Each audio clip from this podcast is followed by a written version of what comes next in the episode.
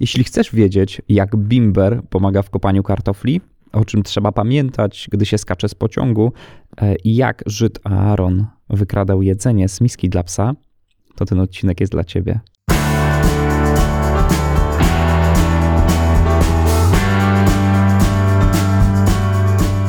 Męstwo, relacje i wiara. Cześć, nazywam się Paweł Tomkiel i chcę być codziennie lepszy. Odcinek czwarty.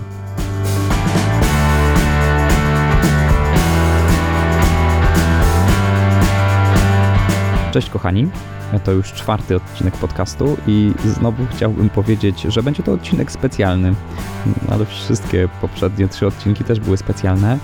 W tym próbuję znowu nowej formy. To znaczy te pierwsze odcinki podcastu to jest, y, nazwę to zabawą z dźwiękiem, zabawą z formą i dzisiaj próbuję swoich sił w reportażu. Takim reportażu, który być może znasz z radia, usłyszysz dokładnie o co mi chodzi. Wziąłem dyktafon, i pojechałem do swojej babci. Moja babcia ma mnóstwo historii, mm, które opowiadała nam przez całe życie.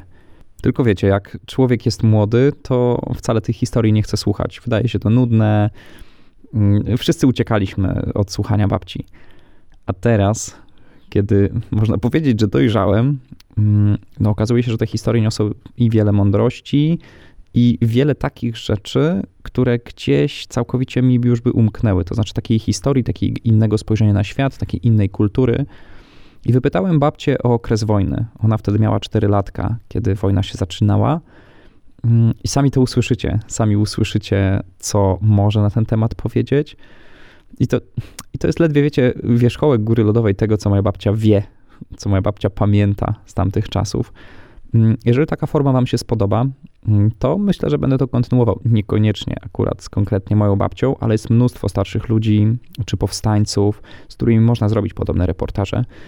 Wyciąganie z nich historii daje im kopa, daje im naprawdę kopa tego, że są potrzebni, że mogą tą mądrość komuś przekazać. Na przykład marzeniem mojej babci było wydać książkę, żeby ktoś wziął wszystkie jej historie i spisał w postaci książki. Ja książki nie wydam, ale mogę spełnić to marzenie w trochę inny sposób, właśnie nagrywając podcast. Także serdecznie Cię teraz zapraszam w roli głównej moja babcia.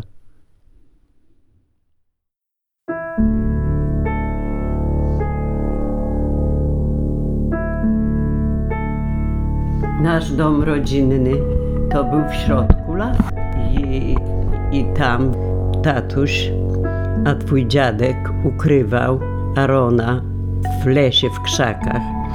Cały dzień to musiał być w krzakach, a potem wieczorem tatuś stawiał mu jedzenie w misce, dalej troszkę od psa, żeby Niemcy nie zorientowali się, że to jest karmiony ktoś y, z narodu żydowskiego, tylko że to jest dawane dla psa. Pewnego razu ja, jako dziecko czteroletnie, doszłam do tej, do tej miski i mówię do tatusia, że miska jest za daleko od psa. A tatuś powiedział, że nie ruszaj, bo w misce jest jedzenie gorące i pies nie może jeść gorącego, bo, bo się wścieknie od tego gorącego jedzenia i zostaw tą miskę. No i ja zostawiłam w spokoju.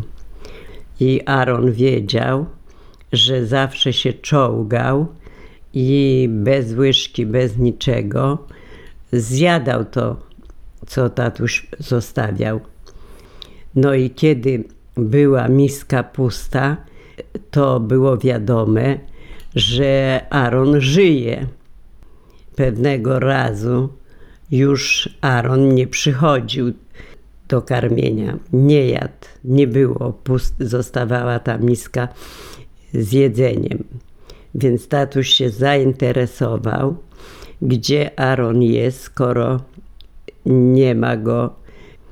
No i dopiero się dowiedział, że ktoś dla Niemców wydał i został e, wywieziony do sołtysa. Kiedy tatuś zaszedł rano do sołtysa i pytał Arona, czy Aaron żyje, a sołtys mówi, że nie żyje, bo miał żyletkę przy sobie i żeby go Niemcy nie mordowali i nie bili, to wolał sam siebie e, e, zamordować. Tak go już potem więcej razy nikt nie spotkał i nikt go nie karmił i nikt mu już nie dawał.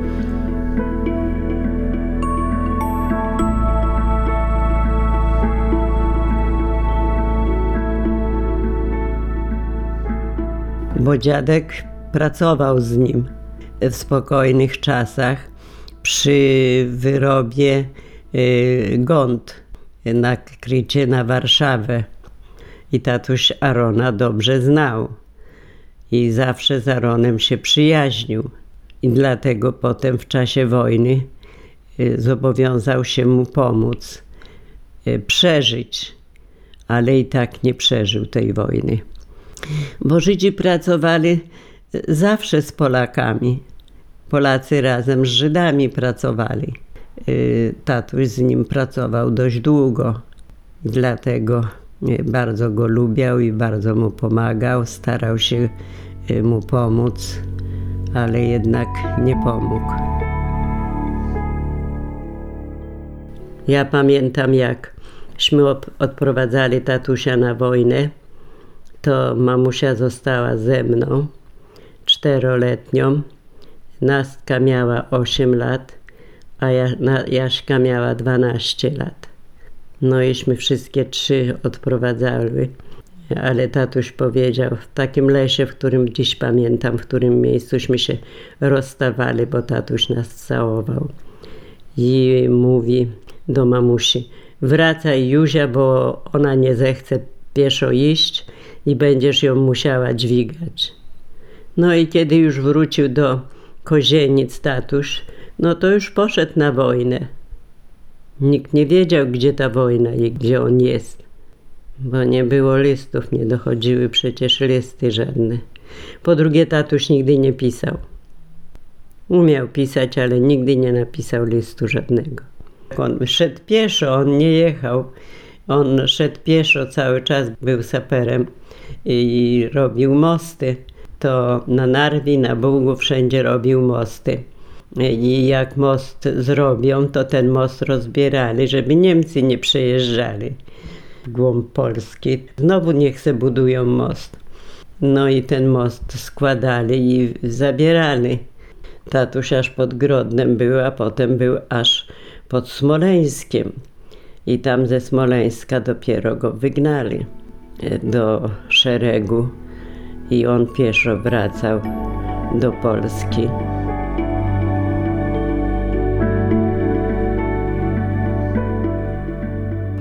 No i Niemcy doszli do studni i w studni e, chcieli sprawdzić wodę, czy woda nie zatruta.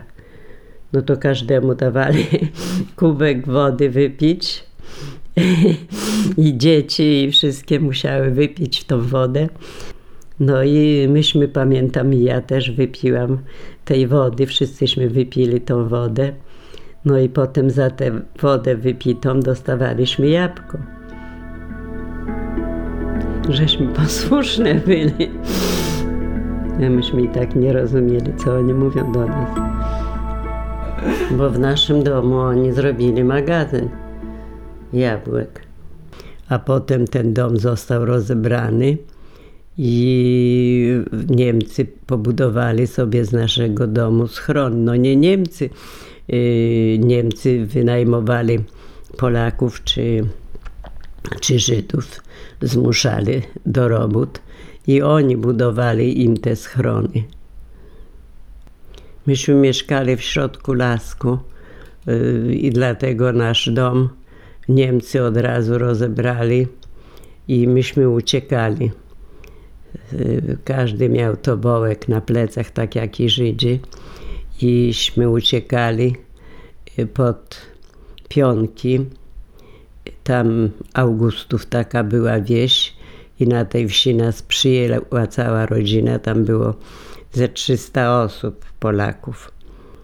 A wszyscy mężczyźni to pobudowali sobie schrony i chowali się przed Niemcami żeby Niemcy po prostu ich nie zaaresztowali.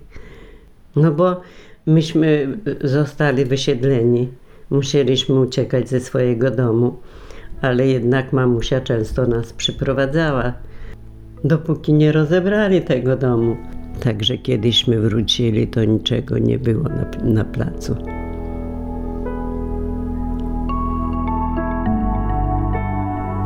No to myśmy mieli krowę. To mamusia i tak się dzieliła z tymi dziećmi tym mlekiem. No tośmy mieli to mleko, a żyto kłosowali i to żyto pędzili na bimber.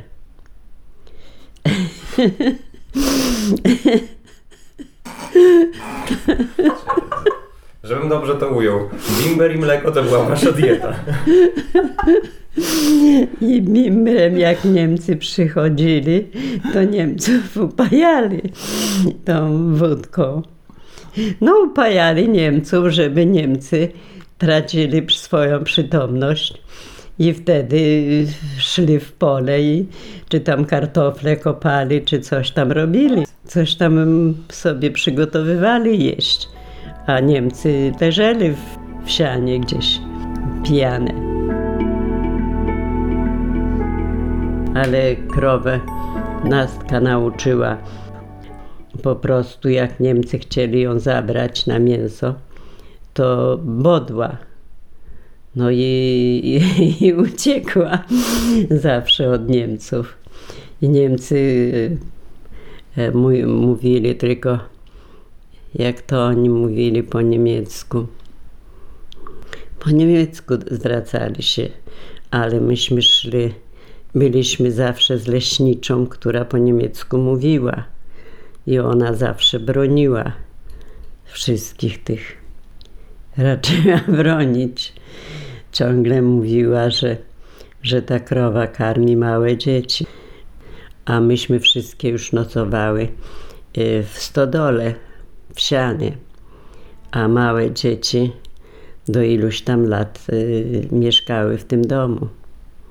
No, by, był dom trzypokojowy, ale przecież wszystko to się spało na, na, na podłodze, na, na snopkach siana, na, na, na sianie. To była wojna, więc ludzie byli tak, jak mogli.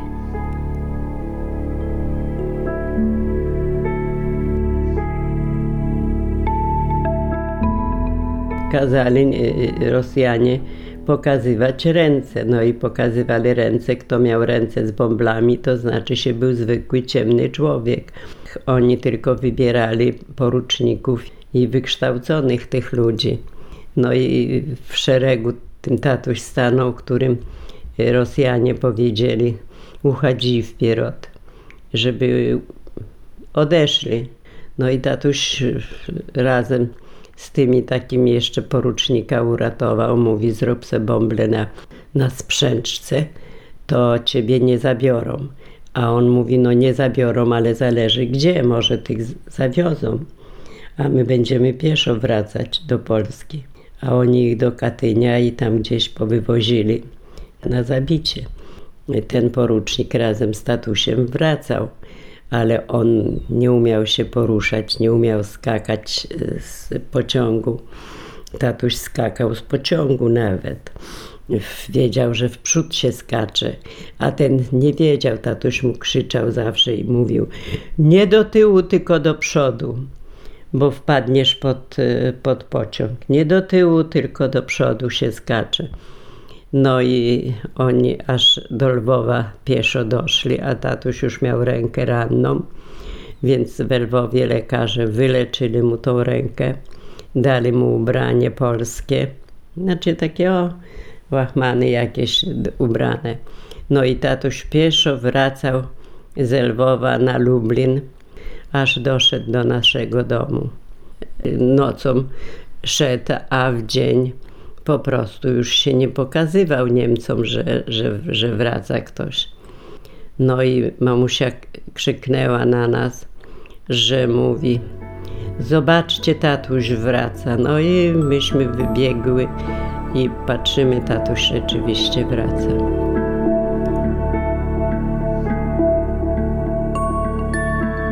Jak nasze wojsko szło na Warszawę, polskie, to nasze wojsko szło pieszo polnymi, takimi polnymi drogami. Umęczone, jak mamusia mówiła, utrudzone, upiaszczyste w, w piasku i w ogóle. No i mamusia napiekła takich, takich, takich chlebków, nagotowała mleka, każdemu kubek. No i każdy ten żołnierz stawał przy naszym domu, bo to w lesie było, i każdy dostał taki posiłek. No i oni całowali tak mamusie po rękach, dziękowali i mówili tak, że przeszli taką dużą wieś, ośmiokilometrową i mówi, nikt nie poczęstował ich. Tylko stali na ulicy i patrzyli, że to wojsko idzie. A mówi, my wracamy bez taboru y, gotowania.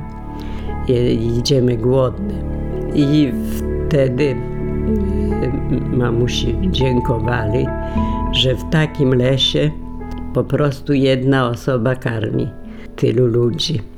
Y, dziękowali, a mamusia mówi, że, że, że mój mąż jest na wojnie, to ja wiem, że na pewno ktoś go nakarmi.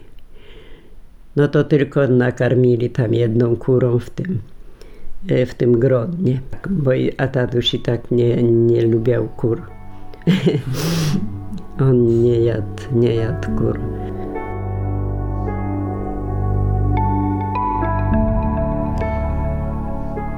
Kiedyś moja mamusia poprosiła tatusia z tego schronu. Chodź, pomożesz ty rowerem, pomożesz, przywieziesz nam żyta, bo ja tam odkłosowałam u, u swojego kolegi. Ale mówi, ja nie przyniosę na plecach. No i tatuś wziął mnie, bo mówi, wtedy Niemcy może dadzą spokój nam, bo małe dziecko wiozę. Nad taką ścieżką jeszcze dziś pamiętam tą ścieżkę. I jak sam raz słyszę ten, ten wyraz, jak Niemiec wyskoczył do tatusia i do mamusi, ja, a ja na tym życie siedziałam i słyszę, jak mówi halt. No i ja usłyszałam to halt, zapamiętałam to halt po niemiecku. Sprawdził tatusia dowody, wszystko, mamusi. No i, i mnie poklepał. No i pozwolił tatusiowi iść. No i takśmy szli, ale tylko usłyszałam jeden wyraz tatusia, jak tatuś powiedział. Tatuś powiedział do mamusi, no sprzedałaś już mnie. Że Niemcy już teraz zabiorą go do obozu i, i już go nie wróci. Mówi, tyle czasu ukrywałem się i uciekałem e, od, Niemiec, od Niemców. Raptem teraz przy swoim prawie domu zaaresztowali nas Niemcy. Ale jak dziś słyszę ten wyraz, halt, stój. A byłam dzieckiem przecież. Ile ja tam miałam, ile ja rozumiałam. Nic ja nie rozumiałam. Bo wojna to była okrutna i Niemcy byli okrutni. Bardzo trudni Niemcy byli, żeby mogli Żydów y, szanować.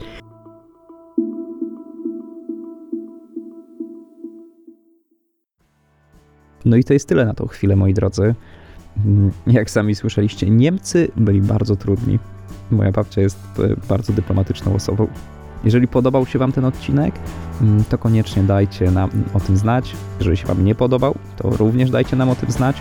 Notatki do tego odcinka znajdziecie na braciaprzykawie.pl ukośnik 004 na naszym blogu. Jeżeli nie chcecie przegapić kolejnych odcinków, no to newsletter. Słuchajcie, newsletter wydaje się być najlepszym wyborem. Co sobotę dostaniecie maila z jakąś refleksją mm, z tygodnia, z jakimś artykułem do poczytania, przede wszystkim z zachętą do odpoczynku, czy w sobotę, czy w niedzielę, z zachętą do refleksji. No a teraz dziękuję Ci już za wspólny czas. E, życzę Ci dobrego dnia, wieczoru, popołudnia, kiedykolwiek to słuchasz. No i pysznej kawy. Do usłyszenia w kolejnym odcinku.